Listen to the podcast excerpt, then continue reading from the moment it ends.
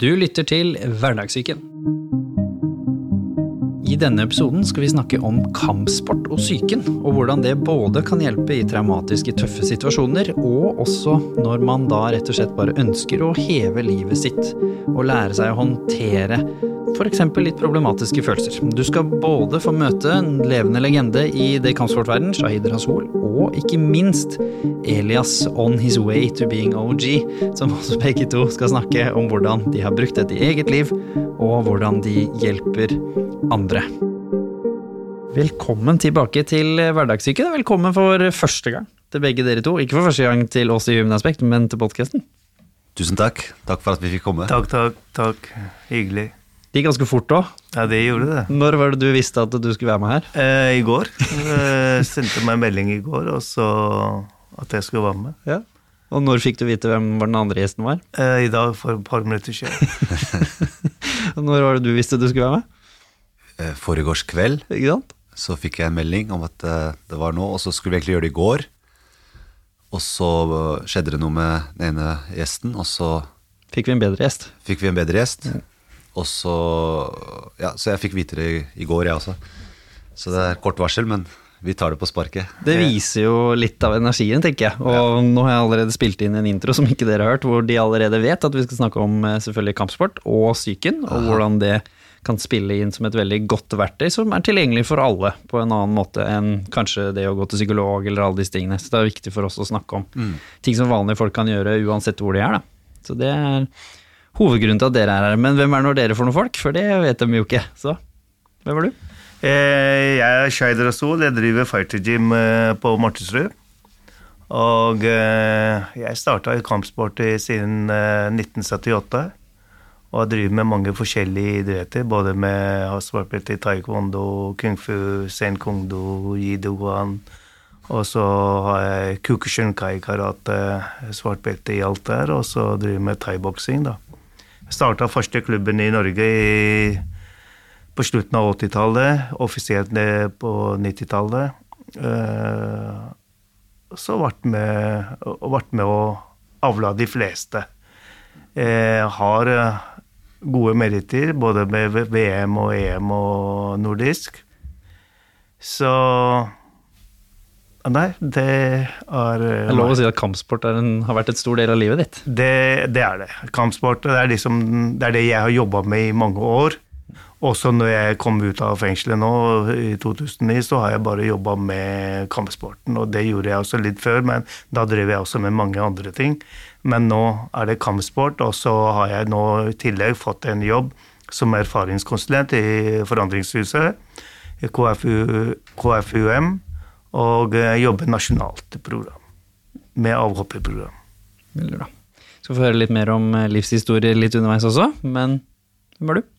Eh, Elias Abid. Jeg også eh, driver med kampsport på fulltid. Jeg er eh, en av hovedcoachene på Roger Gracie og Frontline Muay Thai.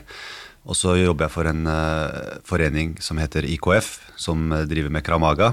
Og i forbindelse med den jobben så jobber jeg en del med barn og ungdom i noen bydeler, annet Bjølsen, Grønland, Holmlia. Eh, og jobber med forebyggende og konflikthåndtering, antimobbing, eh, selvforsvar for jenter og unge jenter og kvinner. Minoritetskvinner. Så jeg, jeg kjører rundt eh, hele uka og underviser i enten brasiliansk jutsu eller i selvforsvar og konflikthåndtering. Både til voksne og unge, og barn. Nydelig. Ja. Han forsto meg Å slippe folk ordentlig inn. Følelser inneholder egentlig flere komponenter. Vi har det jo best når vi klarer å fungere godt sammen med andre mennesker.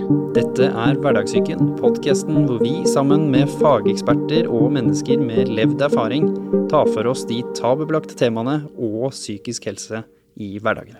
Så dere begge har selvfølgelig da hatt god nytte av dette selv i eget liv til å være med som en positiv bidragsyter for dere selv, men dere har jo nå også nå i veldig mange år nå jobba med andre og sett hvordan det påvirker andre på en god måte. Absolutt. Som i utgangspunktet som vi skal snakke om, som både har stått i vanskelige livssituasjoner, ting du ikke nødvendigvis kan gjøre noe med også alltid. Vanskelig økonomisk situasjon hjemme, kan være vold hjemme, kan være mobbing på skolen. Det er jo ikke bare å knipse i fingra, og så blir sånne utfordringer som det borte. Men da hvordan kampsport kan være noe som kan gjøre at man kan stå i ting over tid, men også hvordan det kan være med å bidra med tøffe følelser som sorg, det kan være depresjoner, angst, sånne type ting. Frykt, som du var inne på her, med selvforsvarsting, ikke sant. Hvordan det kan være med å positivt eh, bidra, skal vi snakke litt om. Men før vi kommer så langt, så må jo folk få lov å bli bitte litt kjent. Vi har jo intervjuene til eh, begge to i Livserfaringsbiblioteket, men som vi fant ut med deg, det har blitt en liten stund siden også. Ja. Så kan ikke du fortelle bitte litt om Trenger ikke å gå like dypt som vi gjorde når vi intervjuet, det kan folk finne selv. Men kan ikke du fortelle bitte litt om utviklingen i livserfaringen din, da, som, som viser etter hvert hvorfor kampsport ble en veldig positiv ting for deg? Altså, kampsport var jo egentlig Det starta jeg som bursdagspresang fra faren min i 1978.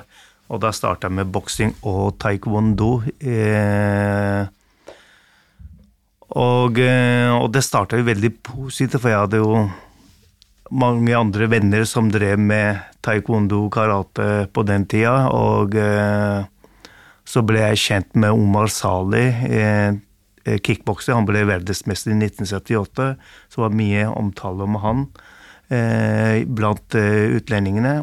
Og han var opprinnelig fra Marokko. Så jeg, på 80-tallet så begynte jeg også med kickboksing, for jeg syntes det var litt eh, også stas. Og jeg var eh, Samtidig så droppa jeg skolen, da, videregående skolen, for å satse mer på kampsport. Jeg ville helst trene bare, og eh, ikke gjøre noe annet. Og det, selv om ikke familien var helt enig i det, da, men jeg fikk lov til det, og så fortsatte jeg å trene. Det var mye trening på den tida, så da begynte jeg å zoome og så drev med taekwondo og boksing. Og så kommer vi på midten av 80-tallet, da så fikk jeg jo tilbud av Oslo kommune til å undervise innvandrere, og da gikk jeg på feil retning. Og, eh, og på den tida så jobba jeg også som, som dørvakt, og eh, eh, kom i et miljø som eh, jeg egentlig kan, kan ikke skille på det miljøet, men at det var min, min egen eh, vilje. At jeg gikk inn i det miljøet og, eh, som medførte til at jeg sona 18 år i fengselet til sammen. Og eh, kom ut i, etter tolvårsdommer i 2009, og så kutta ut det gamle miljøet. Og bestemte meg for å satse fullt for det egentlig jeg har elsket. Og det er kampsporten. Du har jo vært med på portrettkampanjen som har reist litt rundt i byen her også, og der står det et ganske sånn tydelig budskap som står at brorskapet er falskt. Yeah. Det man gjerne søker til og føler i starten. Mm. Føler seg sett og hørt, ikke sant. Når man står i tøv noen av de tøffe tingene vi snakket om, som spiller ofte inn. Men kan ikke du fortelle hvorfor valgte du å bryte og gå ut? Hva var det du fant ut underveis der som du Eh, ikke visste før? Altså, det som eh, Altså, når jeg drev eh, klubben før, eh, på 80- og 90-tallet, så var jeg opptatt av mer av det brorskapet. Den, eh, jeg hadde klubber, jeg avla bra utøvere. Det er mange av dem som driver gymmene nå i dag også. Eh, også noen som driver med fortsatt med kampsport, selv om ikke de driver, men jobber i andre kampsportsentrene. Men det som var at eh, jeg føler at jeg ikke satsa nok på kampsporten, men jeg ble opptatt av andre ting, eh, det brorskapet. Og så finner jeg ut av mellom de årene som jeg har sona den tolvårsdommen, det var da jeg begynte å tenke litt. Eh, Jeg følte at eh, de hadde svikta meg.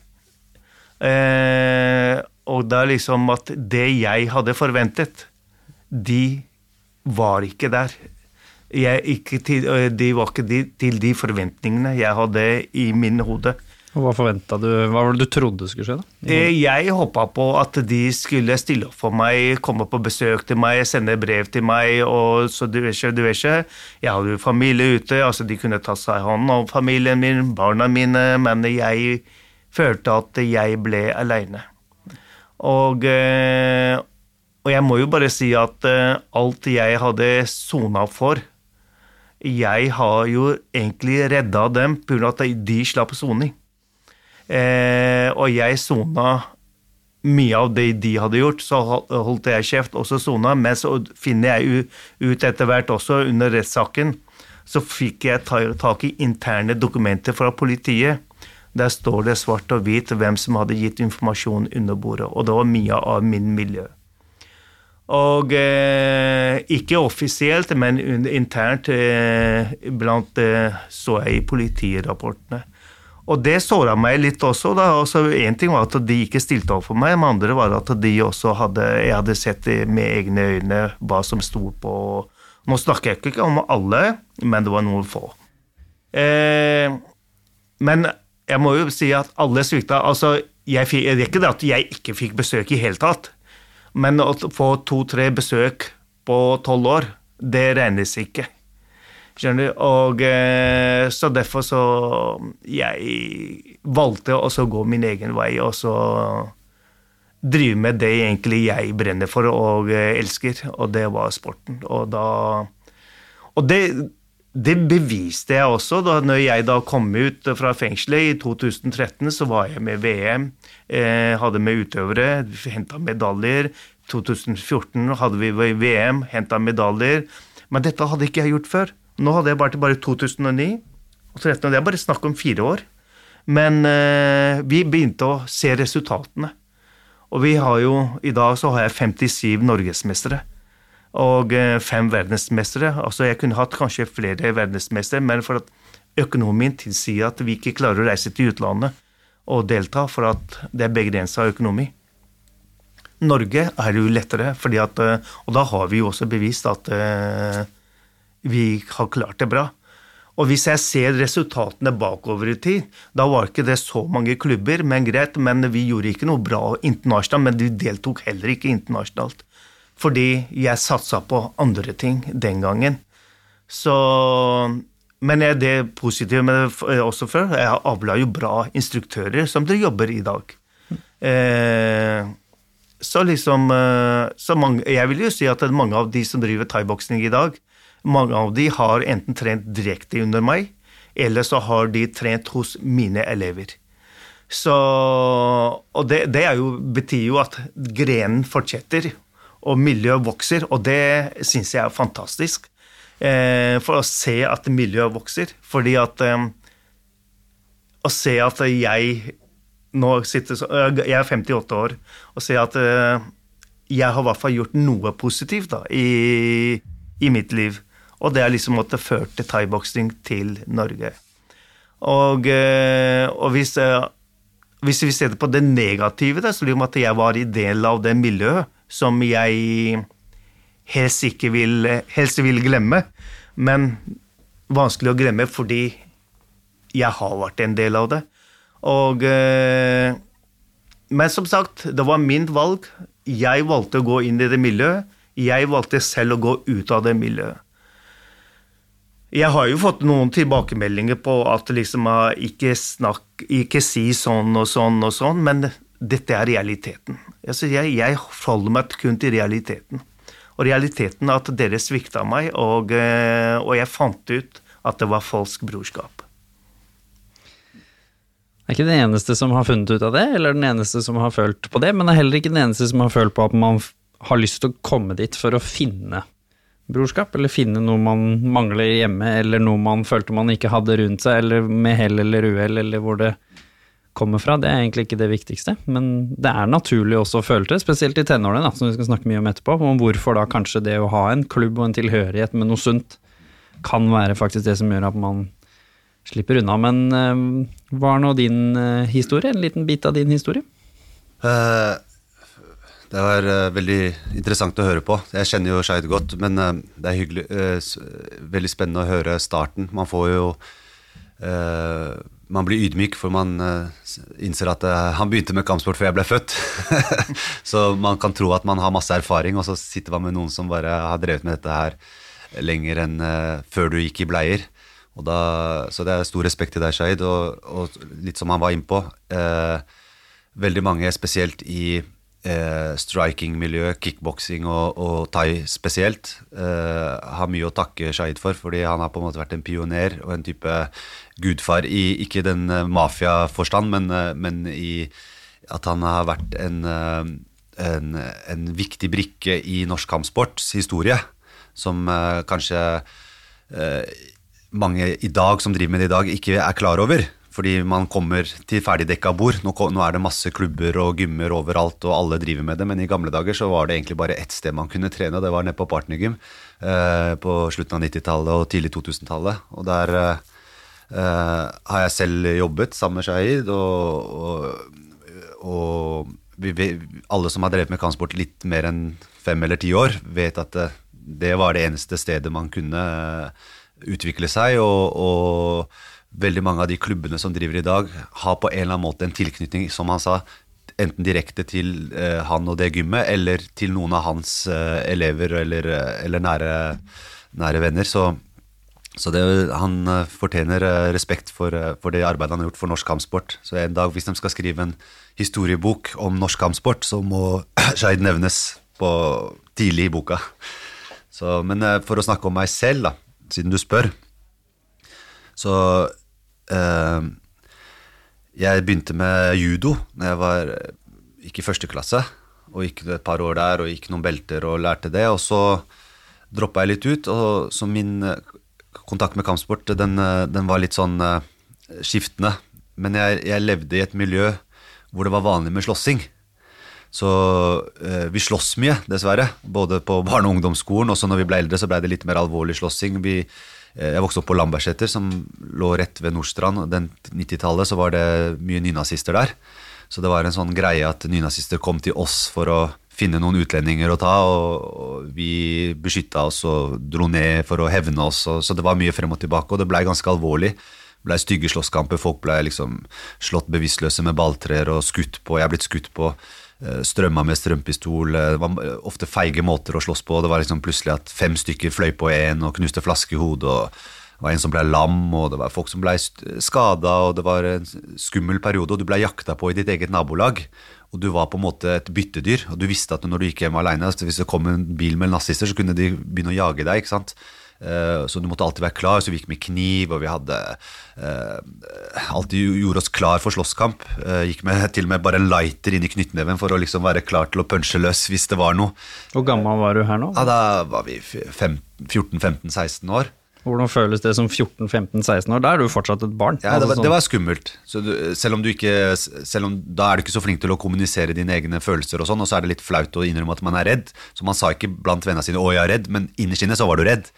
Så du følte på et behov for å beskytte deg og gjøre deg tøffere og gjøre deg til et eh, mindre attraktivt mål. Og du, du blei brutal når du skulle slåss for å på en måte ikke for å være brutal for å være slem, men du var brutal for å skremme dem til å holde seg unna deg. ikke sant? Så du visste at hvis du banka han skikkelig hardt, så skulle du få et rykte. ikke sant? Så du blei litt mer aggressiv, og, så du lærte på en måte en del sånne gateteknikker på hvordan man skal på en måte bygge opp et rykte, da, som det ryktet i seg selv kunne på en måte være en beskyttelse. At neste gang de så deg, så tenkte de å nei, han der han er gæren, han kommer etter oss etterpå og kommer til å banke oss helt flat, så det er ikke noe vits å bråke med han engang. Så, så, du, så, du, så vi levde litt på den måten i mange år. Og følte på en måte at samfunnet og politiet ikke tok det på alvor. eh, Og at de til og med tok litt mer dems side enn vår side. Så da fikk man også et sånt litt sånn dårlig forhold til, eh, til myndigheter og sånn. Og jeg fikk min første dom for eh, ran og vold da jeg var 16. Eh, og, og havna i et, ja, et kriminelt miljø som begynte fra småunger å stjele i butikk og begynne å stjele klær og gjøre innbrudd og, og sånn, men å stjele biler til litt større og større ting. Og til slutt så Jeg vokste opp med noen av de gutta som var en del av ransmiljøet. Så jeg var litt involvert med dem, og, og begynte å jobbe i døra.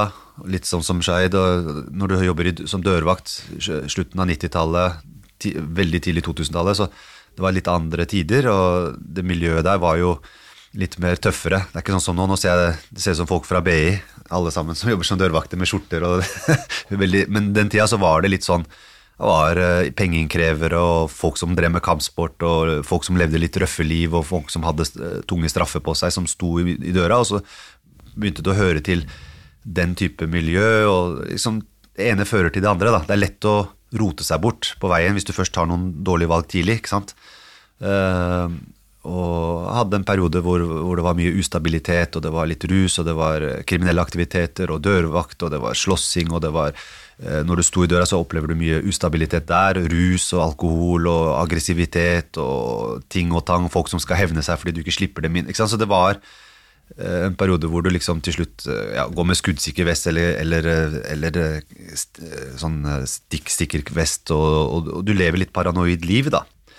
Og så eh, kom jeg meg etter hvert ut av det kriminelle miljøet. Jeg, takka nei til å være med på Nokas-ranet, blant annet. Gjorde ett riktig valg, eh, heldigvis eh, for meg selv, og, og begynte å gjøre noen bedre og bedre valg. Hadde noen episoder hvor nære venner av meg ble drept brutalt, som fikk meg til å begynne å reflektere over livet, over meg selv som eh, muslim, hvordan jeg levde livet, at jeg, eh, følte at eh, jeg levde i en tilstand som jeg ikke ønsket å dø i, på den måten. Så jeg begynte å skjerpe meg eh, spirituelt, og, og valgte å gå bort fra dårlig liv. Ikke bare kriminelt, men også eh, hva kan man si, litt sånn umoralsk liv. Da, at man liksom løper etter jenter og eh, drikker og, og liksom lyver og svindler. Og, ikke, ikke bare ren kriminalitet, men også sånn etisk hvordan du lever som, som borger. Det er, det er lov å drikke i Norge, men det betyr ikke at det er bra å drikke for det. ikke sant? Så, så jeg tok noen valg med meg selv, begynte å gå i moskeen, begynte å be. Eh, sammen med en av eh, de nærmeste elevene til, eh, til Shahid, faktisk, Farid, som vokste opp med Shahid som en mentor og, og trener. Og, og, så vi er ganske nært knytta, egentlig, for det er min aller beste venn, og nesten som min biologiske bror. Og, og han og jeg gjorde den reisen sammen, eller ganske, ganske nær samtid. Men det var først når jeg blei snill at jeg fikk store problemer med myndighetene. For da startet vi en hjelpeorganisasjon som samlet inn til Syria, og dette var tidlig i den syriske konflikten. Eh, Og det var før syriafarerne, men eh, det var en del av de som endte opp som syriafarere som eh, samlet for oss. Og det, i og med at det, var folk som på en måte begynte å havne i kategorien litt sånn ekstreme, og kom med en del uttalelser og gjorde en del ting som eh, gjorde at de fikk mye søkelys på seg, så blei vi dratt med i det dragesuget og fikk en mistanke rettet mot oss, hvor vi til slutt, både jeg og Farid, blei pekt ut som en av de største truslene mot rikets sikkerhet. Og vi blei terrormistenkte, og det blei masse medieoppstyr, og det blei eh, det blei et press fra politiet som jeg aldri opplevde som kriminell. det var veldig merkelig, for det var absurd, fordi i mitt hode nå er jeg blitt snill. Nå gjør jeg ikke noe feil lenger. Nå bare samler vi penger og prøver å gjøre gode ting og går i moskeen og liksom eh, holder oss helt unna alt av kriminalitet. Men det var da vi virkelig fikk store, store problemer med politiet. Og det var en veldig spesiell periode, et par år, eh, som heldigvis endte med at sakene ble henlagt, og vi blei på en måte fullstendig renvasket. Og vi deltok i en dokumentar som kom ut, som eh, fikk mye oppmerksomhet og vant mye priser, og som på en måte forandret mediebildet og opinionen hos det norske folk, da, som gjorde at vi fikk lov til å komme tilbake til samfunnet. Eh, For før det så var vi på en måte virkelig skjøvet ut av samfunnet. Alle dører var stengt på alle mulige måter. På jobb, på livet, på alt. Reise. Vi ble arrestert i utlandet. Det var liksom, vi var flagga. Som, Hvordan føltes det? For det, det er jo også noe som kanskje mange andre kan føle på. Vi har snakket mye om dette her, at man føler at visse perioder så føler man seg ikke sett hørt pga. identitet. Om det er troen man har, om det er utseendet man bærer, eller om det er miljøet man tilhører i, så føler man at man blir dytta ut for samfunnet. Så hvordan føltes det da i mer voksen alder? Da? For Veldig du følte spesielt. på det som tenåring òg. Veldig spesielt. Veldig spesielt. Heldigvis, som du sa, så skjedde det i voksen alder. Som gjør at man har mer kapasitet til å takle motgang. Fordi hadde jeg opplevd den motgangen når jeg var ungdom, tenåring, 17-18 år, så tror jeg det hadde tilta for meg mentalt. Men eh, eh, modenhet, og at jeg hadde eh, familie, barn, kone, stabilitet på hjemmefronten, gjorde at det var lettere å takle den stormen. Og en veldig veldig viktig ting, og litt av grunnen til at vi er her i dag, var jo også at jeg drev hele den perioden med kampsport. Så, så jeg har jo drevet med kampsport i årevis, og jeg er svartbelte i kramaga, jeg er svartbelte i brasiliansk jutsu, og vi trente, jeg og Farid, mye brasiliansk jutsu i den perioden. Og det var på en måte Det var en oase i en stormfull verden, rett og slett. Så det at vi hadde en time eller to, eller kanskje to ganger om dagen, hvor vi bare tok av oss klærne, tok på oss drakt, gikk inn, trente, tenkte ikke på problemene våre i det hele tatt, fordi vi var opptatt med det vi dreiv med. Både mentalt, psykisk, fysisk, på alle mulige måter. Gjorde at du fikk et pusterom fra disse sorger og bekymringer som du gikk med i hverdagen. da. For det, eh, det å ha virkelig samfunnet mot deg, for det hadde vi i den perioden, for da var PST på oss, E-tjenesten var på oss, politikere var på oss, medier var på oss, nettroll var på oss, ikke sant? rasister, islamofober. Det var veld, du følte at hele samfunnet står imot deg, inkludert myndighetene. Og, de, og, vi, og det, var, det var ikke sånn at vi følte Det var jo det. Så det var ikke bare en følelse. Så det å kunne få et pusterom fra det, det var, det var, det var ikke bare viktig, det var nødvendig. Det var, eh, jeg tror ikke vi hadde klart å takle det uten noe sånn type verktøy. da. Så presset mentalt og psykisk den tida var veldig sterkt. Det er ikke bare bare å komme ut av eh, fengsel, Skeid. Så når du kom ut, hvordan brukte du kampsport i den frustrerende perioden hvor du også prøvde å bygge et nytt liv og skulle gjøre nye ting? Jeg var mye aleine. Jeg var veldig mye. Jeg hadde, som sagt, jeg hadde kutta ut miljøet mitt. Og jeg hadde sittet i tolv år, og, eh, så jeg kjente bare kriminelle. Fordi jeg har sittet sammen med dem, jeg har bodd sammen med dem, jeg har sovet der i fengselet, jeg har spist med de kriminelle. Så jeg kjente bare kriminelle. Så når jeg da kom ut, så hvis jeg gikk ut på gata, så var det gamle soningskamerater. 'Hei, Skeid, er du ferdig? Er du ferdig sona?' Og da var det bare de. Det var ingen andre der til stede. For jeg hadde jo vært borte fra samfunnet i tolv år. Og mye var nytt. Ny mote, nye folk, nye bygninger. Også det var eh, ny teknologi. Så det var mye å sette seg i. Og eh, mobiltelefonene hadde forandra seg. Og eh, internett Når jeg gikk inn, så var ikke jeg kjent med internett. Det var ikke noe internett på den tida. Touchtelefon var heller ikke uh, greie på den tida når jeg gikk inn. Så det var masse nytt som hadde kommet, som, eh, som jeg måtte sette meg inn i og det vennskapet og sånt. Jeg var mye aleine i mange år. Jeg var alene. Jeg, på, jeg var heldig, jeg fikk jobb på Partnergym. Eh, men selv om jeg fikk jobb på Partnergym, så var jeg fortsatt aleine. Fordi jeg var bare på jobben og hjem, og det var de utøverne som var der, men jeg vanka ikke med dem. Og gikk om, omgikk ikke med dem. Fordi at eh, Grunnen til at jeg ikke ville gå omgå med dem, for jeg hadde gjort en tabbe tidligere. At eh, når jeg da fikk jobb av Oslo kommune til å undervise innvandrere, så gjorde jeg en tabbe at jeg begynte å omgås med dem. Så ble liksom ble med at jeg begynte å drive med ting som jeg burde ikke ha gjort det. Så jeg valgte da ikke å omgås med å være profesjonell og ikke omgås med mine utøvere. Jeg skulle ha min egen vennekrets som ikke var fra mine utøvere. Så, og det tok jo mange år, fordi jeg ikke sant, Hvor skal man finne det? Det kommer av seg sjøl. Så jeg begynte å gå i moskeen av og til. Jeg gikk i moskeene, og så jeg var på treninga, og så gikk jeg hjem og så var jeg sammen med familien min, eh, barna mine. Men så gikk det litt tid, og gamle, gamle venner som jeg hadde fra 10 års gammel, 12-13 år, så begynte de å dukke opp. Og da var det de var de som ikke drev med kriminalitet. Så begynte de å dukke opp, og så hadde jeg begynt å omgås med litt med dem. Prate, vi begynte å besøke hverandre. Og så gikk vi ut og spiste sammen. Men etter mange år, for det gikk noen år før eh, de også folk, altså de gamle barndomsvennene mine skjønte at liksom, nå er han ferdig med kriminalitet. Og da begynte de å dukke opp, og begynte, vi begynte å omgås igjen. Hvordan i den perioden hvor du var mye aleine, var kampsport positivt? Kampsport var det som var, holdt meg oppe.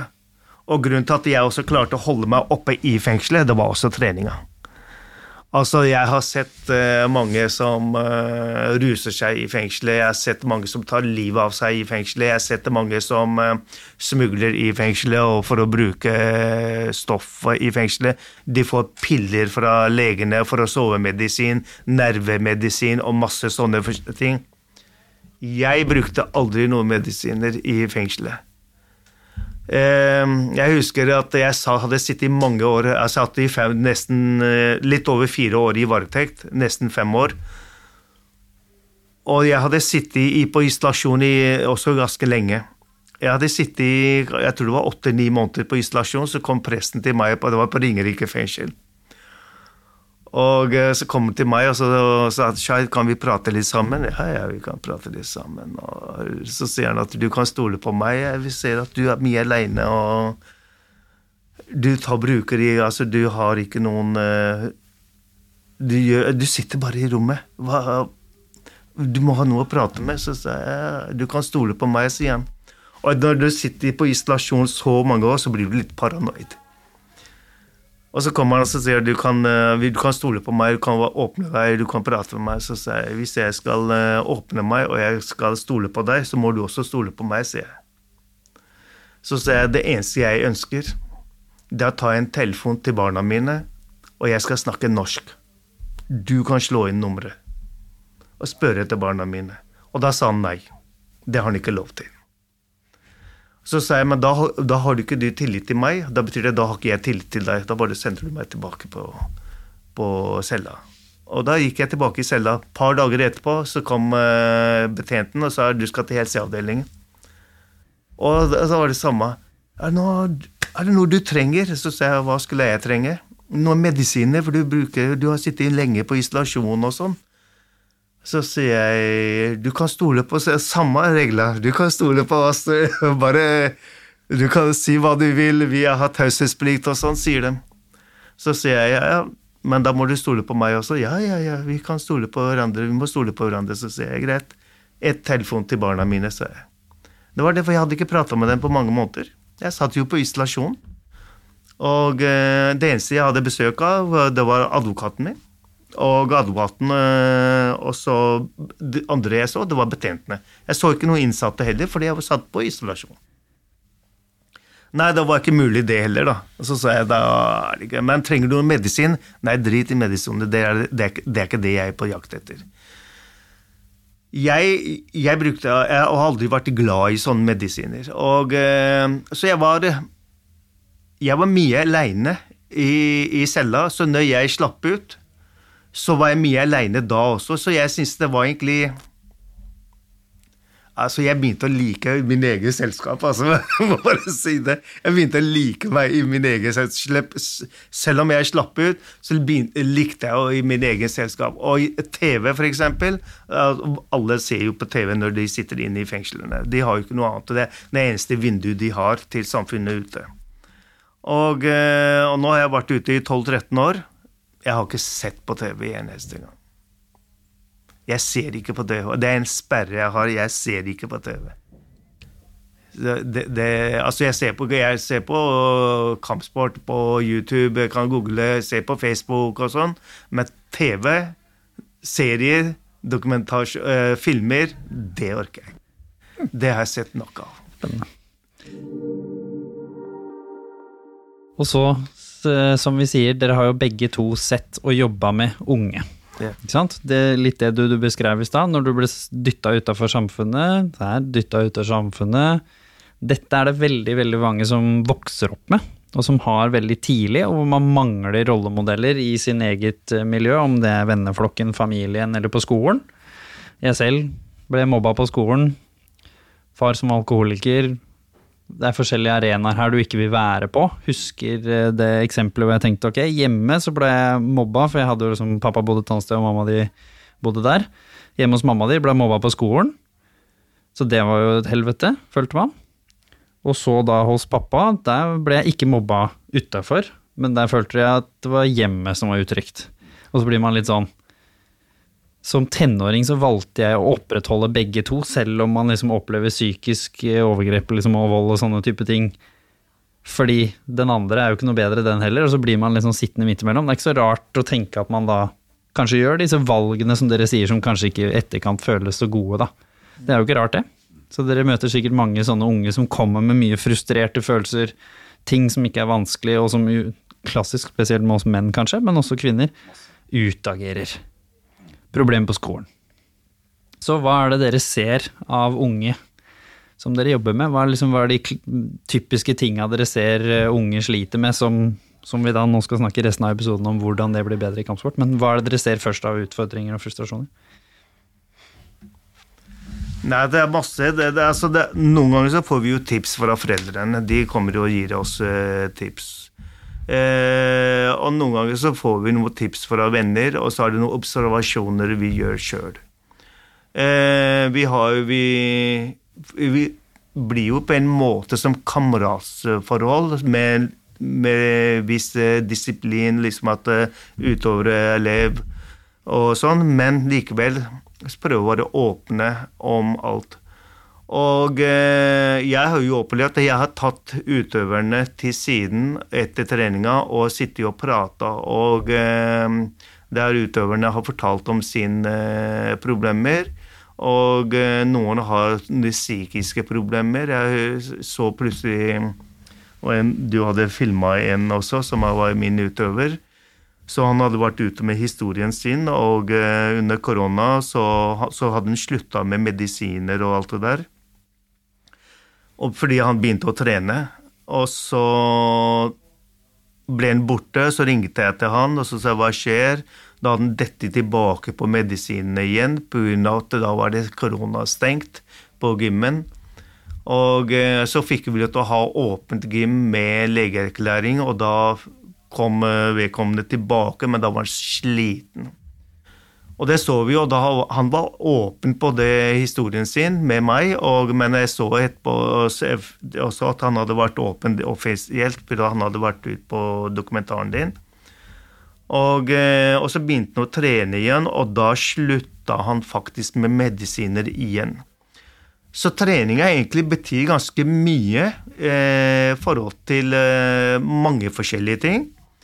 Men så har vi også opplevd at mobbing, eh, barn som ikke er skoleflinke, som da finner en arena som innenfor idretten Ulike idretter bør ikke være kampsport, det kan være andre idretter.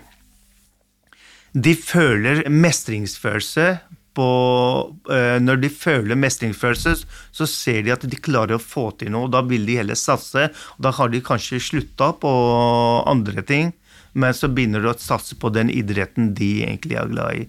Og I mitt tilfelle så har jeg kampsport, og da liksom har jeg sett at mange som mestrer, som har dropper kanskje skolen eller eh, andre ting for å satse på det. Men så har vi også eh, sett at eh, noen som går negative sider, som er kanskje i kriminelt miljø, men det, jeg slår ikke hånd vekk av dem jeg har vært der sjøl, så jeg da prøver å snakke om jeg-form, da. Slik at de skal forstå, uten å sette pekefinger på dem, men at de snakker i jeg-form, sånn at de da prøver å Jeg prøver å forklare dem hvor jeg var, jeg, og hvor jeg er nå i dag. Så, så jeg har jo vært på noen eh, Jeg holder foredrag også rundt omkring. Så jeg var en 15-åring som stilte meg spørsmål hva er det verste du har gjort i ditt liv. Og da skjønte jeg at hva han var ute etter.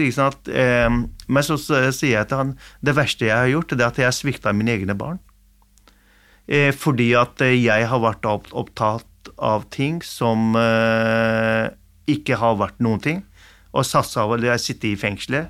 Jeg har vært i et miljø som ikke var noen ting men svikta min egen familie. Eh, fordi jeg ikke ga tid nok til dem, men jeg var opptatt av brødre, de såkalte brødrene mine. Falsk brorskap, og jeg opptatt av å eh, ble sittet i fengsel fordi jeg drev med kriminelle handlinger. Og så har jeg også fått et spørsmål liksom Skeif, hvor mye penger har du tjent? Og det er sånn standard spørsmål jeg får ganske ofte. Og da sier jeg, gutter, jeg sitter 18 år i fengselet. Jeg har ikke tjent en dritt på de 18 årene. Ingenting har jeg tjent. Men så har jeg vært ute nå i 11-12 år, 13 år, så har jeg vært ute der.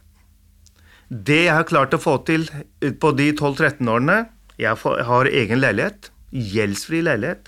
Jeg har egen firma som jeg driver, jeg driver gym med. Så har jeg i tillegg en jobb, erfaringskonsulent. Alt det der og jeg hadde en gjeld til Statens innkrevingssentral på over 500 000, som er nedbetalt også. Men hvis jeg går 18 årene, så er det fra null, og nå har jeg det meste jeg trenger. Jeg har familie, nydelige barn. Og jeg har to barnebarn. Så jeg klarer meg fint. Så, så det økonomiske så har jeg gjort det mye bedre nå enn det jeg gjorde tidligere. Fra null til bra, bra økonomi. Så jeg sier til dem at, Og så kommer det så, også sånn standardspørsmål. Ja, men onkel, de stopper oss på oss på hvert hjørne. Politiet stopper oss på hvert hjørne. sier. Så sier jeg at jeg har vært ute så mange år. Politiet har ikke stoppa meg en eneste gang. Grunnen til det er at jeg omgås ikke med kriminelle miljø. Jeg ringer aldri til kriminelle miljø. Jeg, er bare på trening. Jeg er på jobben. Jeg er sammen med familien. Så det man må gjøre, at dere må gjøre, det må gå inn i seg sjøl. Hvem er det du omgås med? Hvem er det du ringer til? Og så er det et ordtak som sier 'fortell meg hvem du omgås med, så skal jeg fortelle hvem du er'. Og det er noe i det, fordi hvorfor skal de stoppe dere og ikke meg? Jeg bor på Mortensrud, jeg også. Jeg går på Grønland, jeg også. Jeg jobber midt i sentrum, jeg også. Jeg ser politiet stadig. Men de ser nesten ikke meg lenger. Jeg ble stoppa ved hvert hjørne på 90-tallet, jeg også. Men da var jeg i et miljø. Men nå er jeg ikke i et miljø, så da ble jeg ikke stoppa. Men så er det jo det, da, når man er uh, ung, man opplever tøffe ting, som vi sier, så kommer man inn. Safe space. Ikke sant? Og så syns jeg også det er litt viktig å si, for jeg er helt enig med at idrett Altså, jeg hadde jo fotballen, men jeg hadde jo også eh, boksegymmen som onkelen min starta eh, hos oss, og så starta stefaren min sånn motorsportsenter, så jeg liksom så to andre tilbud på et sted hvor det var liksom ski, fotball, ikke sant, tjo hei. Men det er alltid noen som ikke finner seg sjøl der. Og da er det viktig å ha de andre tilbudene. Så jeg så også hvordan noen blomstra i det boksemiljøet, som jeg aldri hadde sett i noen av de andre idrettsmiljøene, for jeg var jo overalt. Med min ADHD så var jeg jo i alle. Så ble det litt sånn hm, spennende. Så husker jeg at jeg liksom så at jeg så de trivdes. Jeg tror det liksom noen av de første gangene jeg så de smilte. Og fascinerende nok noen av de første gangene jeg så at de oppførte seg, da, sånn som vi kalte det den gangen. For her var det kanskje unge menn eh, spesielt, men også noen jenter som jeg følte liksom sammen med meg var en del av problemene. Og plutselig så var de helt rolige på trening, var hyggelige, plutselig spurte meg et spørsmål som jeg var sånn Vanligvis mobber du meg, og så her spør du hvordan jeg har det. Hva, går det bra med deg, liksom? Fordi de var da på et uh, tryggere sted. Kan du fortelle litt om For du begynte litt på det i stad. Kan du fortelle litt om hva du ser dette stedet er? For de som kanskje står i mye frustrasjon og tøffe utfordringer? Så uh, jeg underviser jo egentlig veldig mange forskjellige aldersgrupper. Og jeg tror det er like mange grunner til å komme inn på et kampsportsenter som det fins mennesker. Alle har sine personlige reiser, sine personlige issues, eh, sine indre demoner, eh, sine utfordringer i livet. Eh, mennesker er forskjellige, men vi har noen felles eh, trekk for det. det er, for veldig mange så har man et ønske om tilhørighet. ikke sant? Altså, høre til noe og ha en verdi i det du tilhører. da. Eh, og det er ikke alt som kan fanges opp av eh, breddeidrett, sånn som fotball. Det, er ikke, det, er ikke, det er for veldig mange, men det er ikke for alle for det. Eller å gå på ski. For noen faller utafor, og det er ikke helt dem. Og jeg tror det er eh, Innerst inne så tror jeg det er et veldig menneskelig behov for folk å føle seg trygg. Og kampsport kan gi deg det. Det kan gi deg en indre ro, en indre trygghet, i og med at du får litt selvtillit, du, du, du blir kjent med kroppen din, og du blir kjent i at du, du får en innblikk i at du kanskje kan være litt i stand til å forsvare deg, eller håndtere litt eh, ting. Mennesket liker ikke å gå rundt og være utrygg og redd, ikke sant? Eh, verken gutter eller jenter. Så jeg opplever at det ofte er eh, noe av grunnen til at en del kommer, særlig når det gjelder å komme og trene. En ting er å trene kampsport, fordi for noen så er det kult og gøy og tøft, og man vil komme i form, og man vil ha sixpack, og man vil se ut som eh, en UFC-fighter, eller ikke sant, og man er fan og sånn. Men det er også mange som kommer til selvforsvar fordi de har opplevd en del eh, kjipe ting. Eh, det er mange som kommer med traumer. Eh, jeg har kvinner som kommer med voldsalarm. Jeg har folk som kommer rett fra krisesenter, fra eh, har opplevd grusomme ting. ikke sant? Eh, voldtekter. det er folk som har opplevd forferdelig vold, både menn og damer. Eh, Det er barn som kommer enten alene og søker meg opp, eller med foreldrene fordi de opplever mye mobbing, og de føler at de blir ikke hørt i kontakt med systemet, med skolene. Det, blir for mye møter med kaffe og 'uff, så meg, så leit at eh, sønnen din blir slått hver dag'. Ja, det er leit, det er ikke bra, det er ikke bra, men det skjer ingenting. Ikke sant? Og så bytter man skoler, og så, så, så, så de velger å være proaktive og gjøre noe med saken. Og, og prøve å bygge opp barnet sitt både fysisk og, øh, og psykisk, mentalt. Få tilbake selvverdet sitt, få tilbake sin egen verdighet. ikke sant? Og det opplever jeg at de som kommer over tid, klarer å gjøre veldig ofte. Det er et fint verktøy øh, for å bygge seg opp, det er et fint verktøy for å få ut stress. Så øh, jeg tror i den verden vi lever nå, selv om alt er så bra sånn rent materielt sett og på overflaten, så er det mye mer psykiske plager blant barn og unge, tror jeg, tror jeg selv, da, enn det var faktisk på vår egen tid, og enda lenger bak. Fordi vi hadde våre utfordringer da, men de var ofte mer materielle ting. Nå ser jeg at når jeg jobber med kommunene, så ser jeg at eh, ungdomsklubbene nå, de har jo alt. Det er PlayStation på storskjerm og turer til Tusenfryd og eh, Rush og pizzakveld hver dag. og Klubbene har penger nå, det fins penger. Men fortsatt så føler jeg at barna sliter på et annet plan.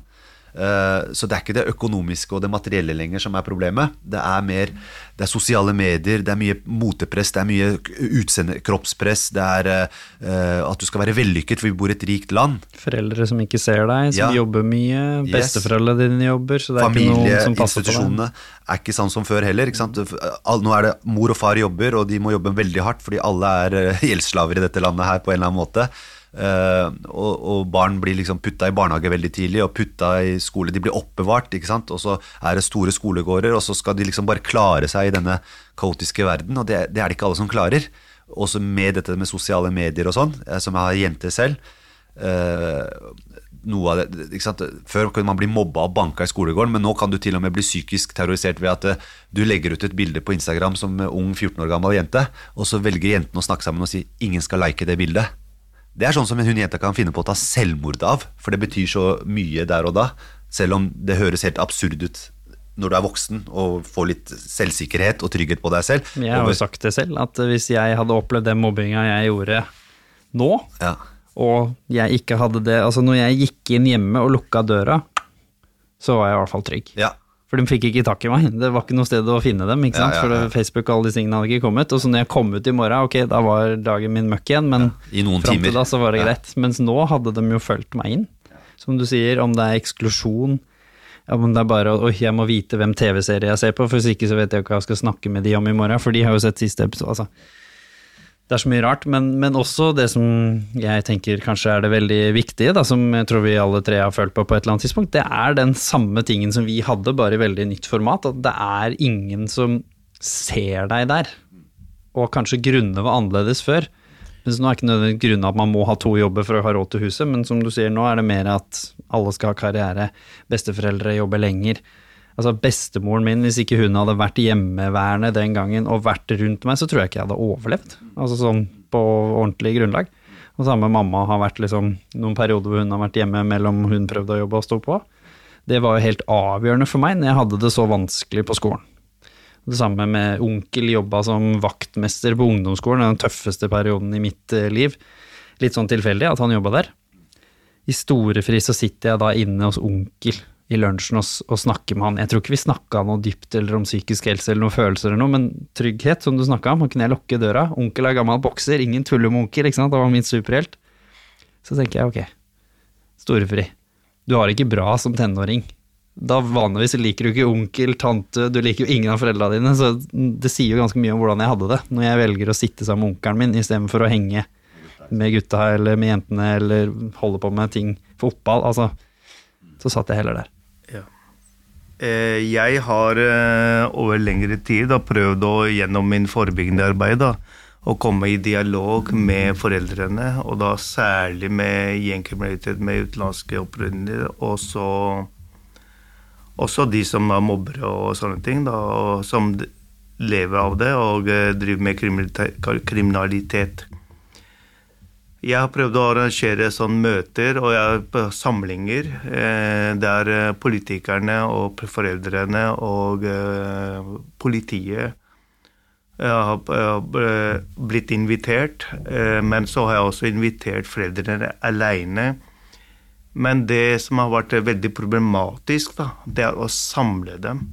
Eh, eneste gangen jeg Jeg ser foreldrene det er eh, part, eh, barnepartier. Da kommer det foreldre, men da er det veldig vanskelig å ta noen temaer, pga. da er jo barn til stede.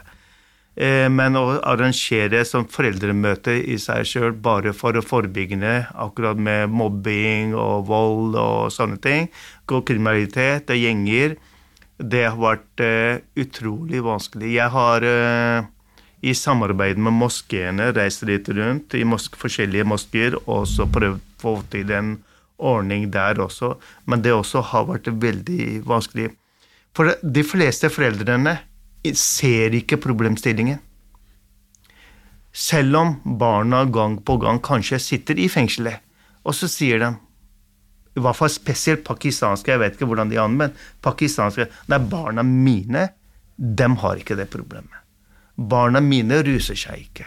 Barna mine driver ikke med kriminalitet. Det er de andre som Og de unnskylder seg alltid hvis nå det var en som sitter inne. Nei, det er pga. kameraten. Det er de som er gærne. Sønnen min er egentlig bra, men de andre Og det er en stort problem i vårt miljø. Det er at eh, foreldre innser ikke problemstillingen. Og det samme det, og det samme gjør altså Jeg ser det også på treningssenteret, at eh, noen barn er der til helt til det stenger klokka ti. Og jeg føler at eh, barn har ikke noen å gjøre der sånn på Og jeg kaster ikke ut barna på, fra gymmet.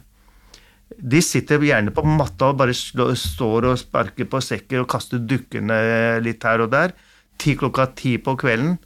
Og jeg, da skjønner jeg Skjønner du? Jeg prøver å ha dialog med de små barna, som 10, 11, 12. At de da, Hvorfor er de der ute inne? Fordi de har en problem hjemme.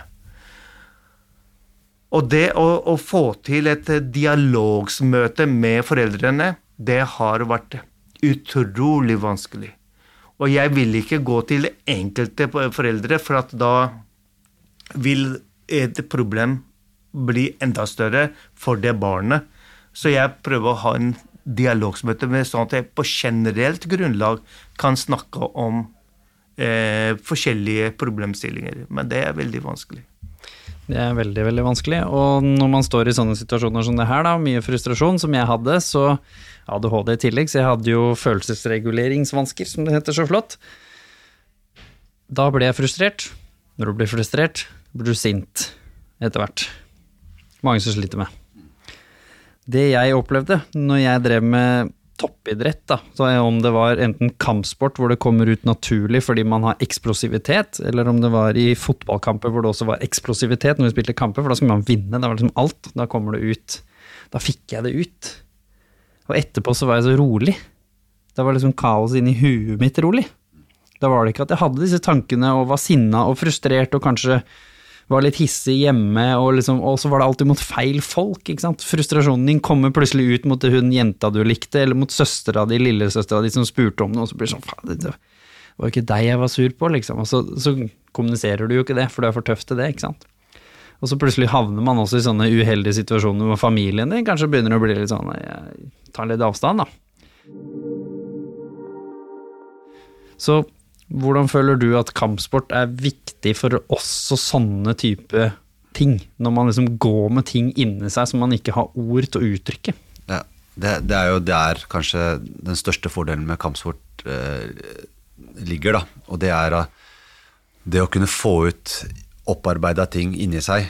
Om det er stress eller følelser eller eh, angst eller eh, ADHD eller Så er det fortsatt eh, noe som ligger og koker på en eller annen måte. Om det er hvilken gryte det ligger og putter i, det kan være litt forskjellig. Og det kan også være forskjellig fra person til person, fra gang til gang. Kan, en dag så er du sint, og en dag så er du lei deg. Men det er en veldig fin ventil for å få ut eh, ting som du kanskje syns er vanskelig å prate om. Uh, man lærer seg å prate med alderen, ikke sant? og lærer seg å kommunisere og, og komme i kontakt med sine følelser, og man modnes eh, etter hvert.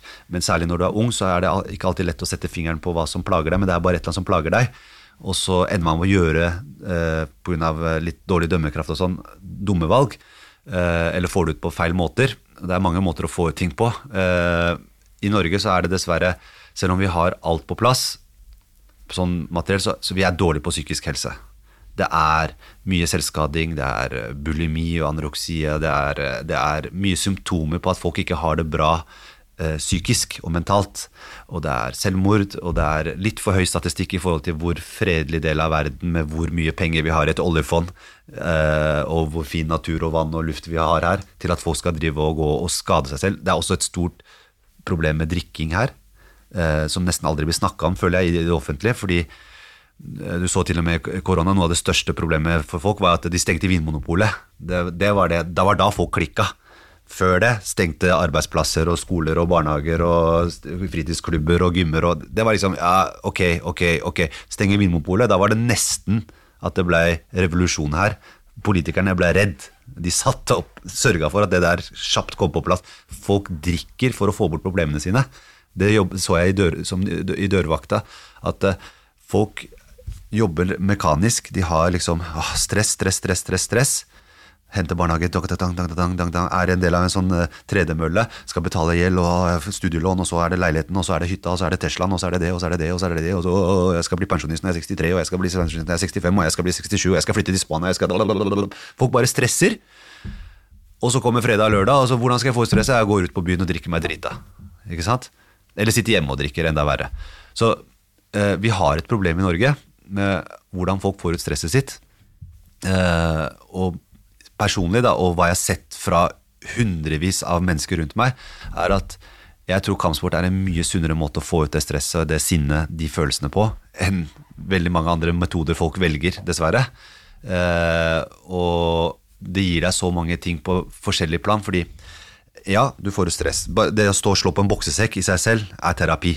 Jeg tror det er bedre enn veldig mange psykologtimer. For da er det både de fysiske tingene, man trigger ut de positive kjemikaliene i hjernen, man får i gang blodsirkulasjonen, så man setter også i gang en fysisk prosess inni seg, som vi vet, både Produksjon av endorfiner. ikke minst. Yep. Man føler seg bedre bare i dette, både fysisk og psykisk, bør det være i aktiviteten her. 100 Neste. Og I tillegg, uh, matta er et sted du ikke kan bullshitte folk. Det kan sikkert Skeid eh, underskrive på. At du kan leke kjekkas overalt i skolegården og med klærne dine og de kule klærne dine, men når du først tar på deg en jutsu-drakt, eller du tar på deg eh, thai-shortsen din og singleten din, vi er like. Det eneste som er forskjell på deg og meg, er er jeg flinkere enn deg eller ikke. Det var akkurat det jeg følte på i idretten også. I resten av samfunnet så, så hadde det ikke noe å si, følte jeg, hva jeg gjorde. Ja. Fordi jeg var bare stempla som den personen som ble mobba, eller den som ikke var det, og hjemme så var jeg stempla som han. Og så jeg følte jeg løp rundt med sånne hatter, og så hadde det ingenting å si om jeg var flink den dagen eller ikke. Men som du sier, kommer inn da på i bokseringen eller på fotballbanen, så ble man sånn Det er ingen noe bullshit her. Er du god, så er du god. Er du dårlig, er du dårlig. Og da følte jeg plutselig Du at jeg hadde noe å si. Plutselig ble jeg veldig sånn Oi, hva jeg gjør betyr noe. Og da fikk jeg den bitte lille meningen inni meg, da. Så, så, så matta lyver ikke. Du, så han som er han mobberen, da, eller han som tråkker på andre i skolegården fordi han øh, psyker dem ut, han gjennomskues på matta. Enten, hvis han ikke er 100 tøff, så finner man det veldig fort ut på matta. Man ser hva folk er lagd av. Og man kan se folk som man kanskje som tror selv at de er svake, men man finner ut at de er sterke. Motsatt òg. Så den kan regulere deg fra han som er altfor eplesjekk, kan senkes litt ned igjen og få litt bakkekontakt. Og han som går og tror dårlig om seg selv, finner at nei, vet du hva, jeg er litt tøffere enn jeg trodde. Og hva skjer med disse kvinnene, som du sa? Kvinner Ja. som kanskje har blitt underkua hjemme, mobba. Hva, er det de, hva ser du der? De, de, de, finner seg selv. ikke sant? De finner ut at nei, vet du hva, jeg har en verdi. Jeg er tøff. Jeg er tøffere enn de folk tror. ikke sant? Jeg har drivet og undervurdert meg selv. Det er ofte der det begynner. Når du undervurderer deg selv, skal alle andre undervurdere deg. Når du begynner å få tillit, selvtillit, du gjør en annen utstråling, bare kroppsholdninga di. F.eks. det å bli et offer på gata da, for eh, overfallsvoldtekt, eller, eh, eller at noen peker deg ut og skal fly på deg på gata. Kroppsholdninga di stråler veldig mye til folk som har en rovdyrsmentalitet. om de velger deg som byttedyr eller ikke. Hvis du går med sammenkrøka skuldre og ser bekymra ut og redd, så er det lett å bli hakka på i skolegården eller å bli valgt ut som et ransoffer. Eller, ikke sant? Men hvis du går brystet frem, skuldra bak, haka opp, selv om du er en liten fjert Men bare det at du har den attituden, gjør at folk ser på deg og får litt sånn Ok, okay, okay vi skal ikke kødde med han eller henne. Det er med utstråling, og den, den kommer fra deg selv. Det er den indre utstrålingen sant, som gir deg selvtillit. Og det ser jeg ved folk som driver med kampsport over tid. De går fra å gå her, sammen med krøpa, til å løfte seg. Bare det i seg selv er preventivt mot å bli hakka på i skolegården, eller bli valgt ut som et offer på gata, eller bli bråka med på byen, eller ikke sant? Og da igjen, som igjen fører til at du får et bedre liv på mange mulige plan. Det sosiale på kampsport også. Uh, I og med at hvis jeg skal trene med Shahid eksempel i, i, i, i tre, tre år, vi finner ut hva vi er lagd av begge to, og vi får en gjensidig respekt, selv om vi kanskje kommer fra forskjellige steder, eller eh, en jobber som advokat, mens en er tidligere gjengkriminell. Men så finner man et felles plattform, og så får man en gjensidig respekt basert på matta. som gir deg, Jeg har venner i dag pga. kampsport som jeg tror jeg aldri hadde blitt venner med hvis det ikke hadde vært for kampsport. Ja, for det virker veldig mangfoldig, fordi som du sier, her inne i rommet så virker det som på, liksom på fotball og på andre, så, så opplever jeg noen ganger at det er ikke like godt miljø der som det er eksempel jeg har sett dansing og kampsport. Det er liksom de to stedene jeg har sett som har vært mest mangfoldig, fordi det er mer sånn Er du her fordi du brenner for det, så er du bra nok. Mens på fotballen er du er du ikke god nok, så er du fortsatt utafor. Men så virker det ikke som det er sånn på kampsport og dansing. Så, det er, så lenge jeg kommer og jobber like hardt som de andre og har lyst til å være her, så er jeg fortsatt inne, da. Selv om ikke jeg er verdensmester eller NM-mester eller De viktigste medlemmene våre er ikke de som blir champs, faktisk. Det er få som blir champs. De, de er bra, de er bra å ha som frontfigur. eh, De tiltrekker folk. Mange kanskje kommer inn porten fordi du har en som gjør det bra i MMA, eller som gjør det bra i thaiboksing, så de blir frista av det. Men, men f.eks. for eksempel på det gymmet jeg jobber, så er vi 1500 medlemmer. Hvor mange champs er det? 10? 15? Ikke sant? Det er så lav prosent at det, det er ikke de som er de viktigste. Selv om de får mye fokus, fordi det gir medieomtale, det gir eh, medaljer du kan henge opp i døra, det gir eh, fine Instagram-poster. Men de viktigste medlemmene i min verden er jo de som kommer inn for å jobbe med seg selv og utvikle seg selv, bygge seg selv opp. Eh, og, og, og det er de vi har flest av. Ikke sant? Så jeg ser jo at det, for de fleste som kommer inn, så er ikke drømmen deres å bli en champ. Det er å finne sin egen stemme, finne sin egen verdi, finne selvtilliten sin tilbake, få tilbake verdigheten sin, ta tilbake sin egen historie. Ikke sant? Slutte å føle seg liten og svak, slutte å føle seg eh, som en hakkekylling, og snu rollene litt. Altså, og, eh, ikke snu rollene at de begynner å hakke på andre, men at de unngår å bli hakka på. ikke sant? Eh, og, og det tror jeg har en verdi som veldig mange piller på apoteket ikke kan gi deg. 100 Ja. Jo, Du pekte jo på en som hadde med medisiner her også. Jeg hevder jo fortsatt også at noe av grunnen til at jeg aldri har trengt å begynne på medisiner av idrett. Hvis ikke jeg hadde hatt idrett, så er jeg ganske sikker på at jeg ganske kjapt måtte hatt eh, det. Eh, til slutt her så vet jeg en annen ting som er veldig viktig innenfor kampsport. Disiplin. Som kanskje ikke er like eh, fremtredende i andre ting. For det er veldig mange som ikke har vært i kampsport selv, som er litt sånn ja, men problembarn pluss lære seg å slåss, det har vel bare ett utfall. Mer gæren, på en måte, eller mer slåss. Men det er veldig sjelden tilfelle. Så kan ikke du fortelle litt om disiplinen i kampsport, og hvordan du ser det har endra folk som kanskje har vært bråkmakere, til å faktisk lære seg bedre å slåss, men bråke mindre? Disiplin er veldig viktig i kampsport, og det er for at hvis en bråkmaker Jeg har sett mange eh, bråkmakere kommer til gymmet, så finner de en annen måte å avreagere seg. Så de føler da at de ikke har behov for å avreagere ute på gata. Og eh, enten så blir de der, eller så går de vekk. Fordi de klarer ikke den daglige I min erfaring, gjengmedlemmer de klarer ikke det kjøret over lengre tid. De kommer for et par dager, par uker, kanskje et par måneder for å kanskje finne noe lette De, de tror at det er lett å lære kampsporten, men det er egentlig ikke bare gjort på 1, 2, 3. Kampsport er en idrett som alle andre idretter. Det tar tid å lære det. Og du blir ikke verdensmester om du har trent i fem år eller ti år. Og det er ikke alle som blir verdensmester. Det er noen få som blir verdensmestere. Svært få. Og eh, som stortallet er jo egentlig at de skal, fleste kommer med, har sine egne mål. Og nå, noen vil i, bli bedre form, noen vil gå ned i vekt, noen vil ha sixpack, noen vil lære seg å forsvare seg, noen for å bygge opp selvtilliten. Alle har sine mål. Og noen har mobbeofre, de vil bygge seg opp, kanskje bygge seg opp psy- psyken sin. Og noen har kanskje voldtektsofre, som uh, Ilya sier. Og mange, eh, alle har sin mål for å begynne med en kampsport. Noen vil komme bare for å konkurrere og synes det er fascinerende.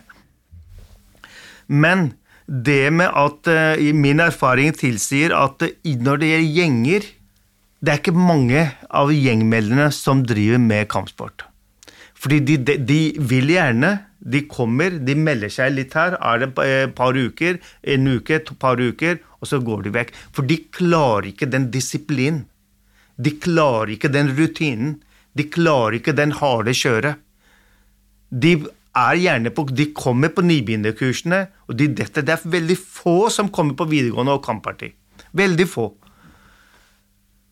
På mine årene siden 78 så kan jeg bare telle på et par fingre som har kommet lengre. Altså, og jeg, som vidt jeg husker, er ingen som har blitt verdensmester. Skjønner du? Ingen. Så de som blir verdensmester, er helt andre mennesker. Og det er folk som har disiplin i orden. Du skal ha disiplin, da kommer du mye lengre. Og så kommer det mange andre ting i tillegg. Og det, det bare for å eh, fortsette litt der hvor han slapp. Det jeg også uh, merker, er at eh, de som vi får inn i kampsport, de gjør også og viser seg å ha evnen til å ha disiplin og respekt, må du faktisk også ha. Noe som eh, kanskje mangler litt i samfunnet. Det er blitt litt sånn respektløst. Folk eh, banner til lærerne sine og kaller mora si hore. Og, ikke sant? og så plutselig så kommer de inn og møter en som Skeid. Kan ikke kalle han hore på matta, for det, det kan jeg garantere deg det ikke kommer til å bli godtatt.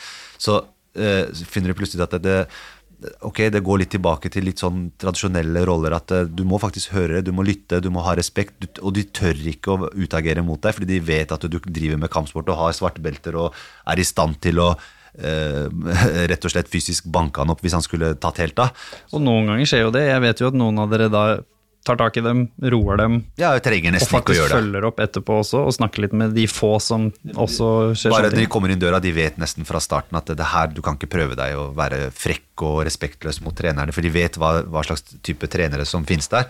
Og, og, og, og det som ofte skjer da, er at de, de skiller ut de som er bullshittere. De forsvinner veldig fort. De som bare prater.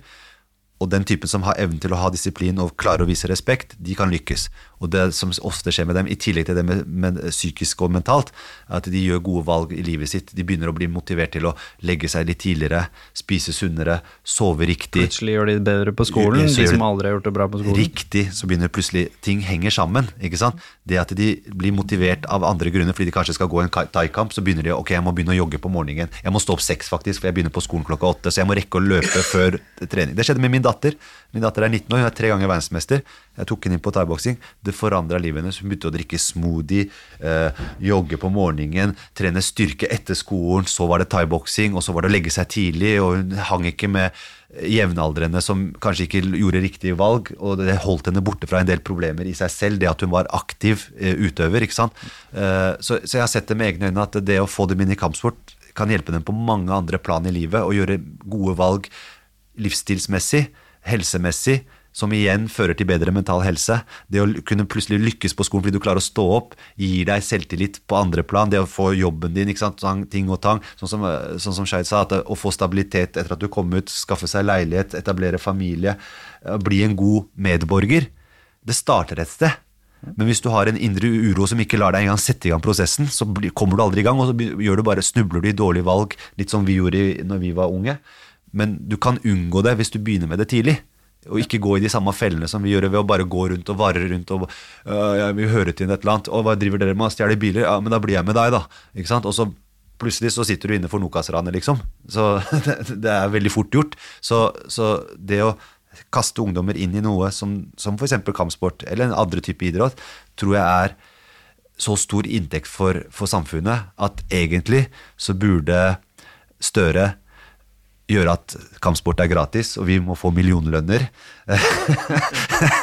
og få det inn på statsbudsjettet. Og, og, og det burde være noe som alle driver med. Det burde være noe som er tilgjengelig for alle. Det burde være lav terskel, i hvert fall. Eh, at, eh, at det finnes stønadsordninger for å hjelpe eh, kids som kanskje sliter, inn på kampsportsenteret og holde dem der. Det tror jeg er en billig investering enn at vi skal ha dem renne rundt i systemet, i fengsler, i DPS, i, i Nav, i alt mulig annet. For ting starter et sted før det ender opp et sted. Så jeg tror det er en veldig fin forebyggende effekt mot veldig mange ting.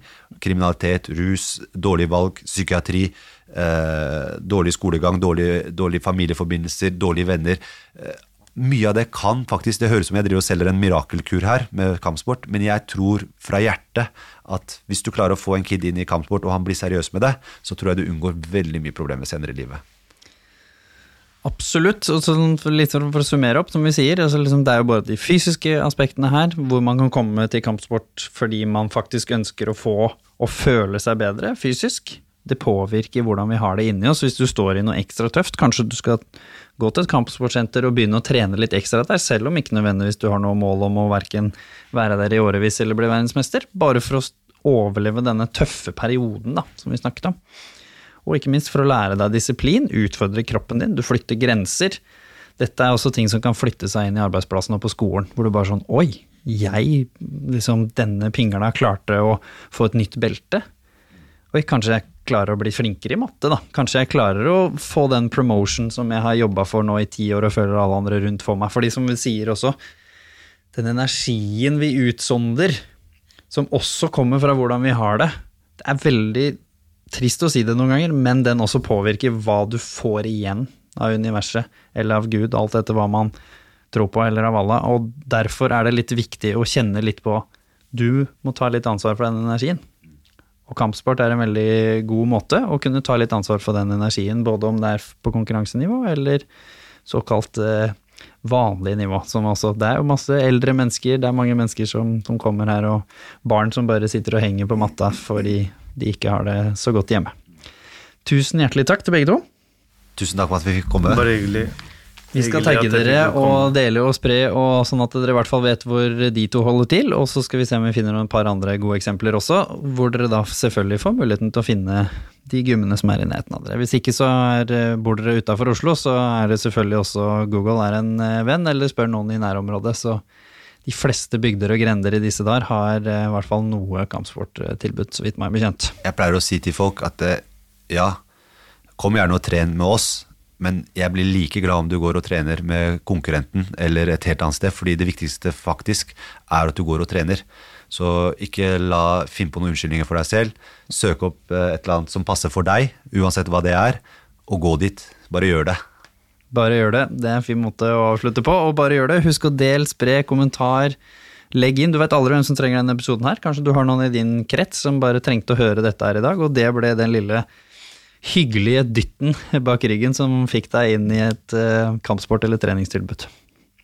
Tusen hjertelig takk til alle dere som hører på, og ha en så flott og energirik og kampsportaktig dag som overhodet mulig.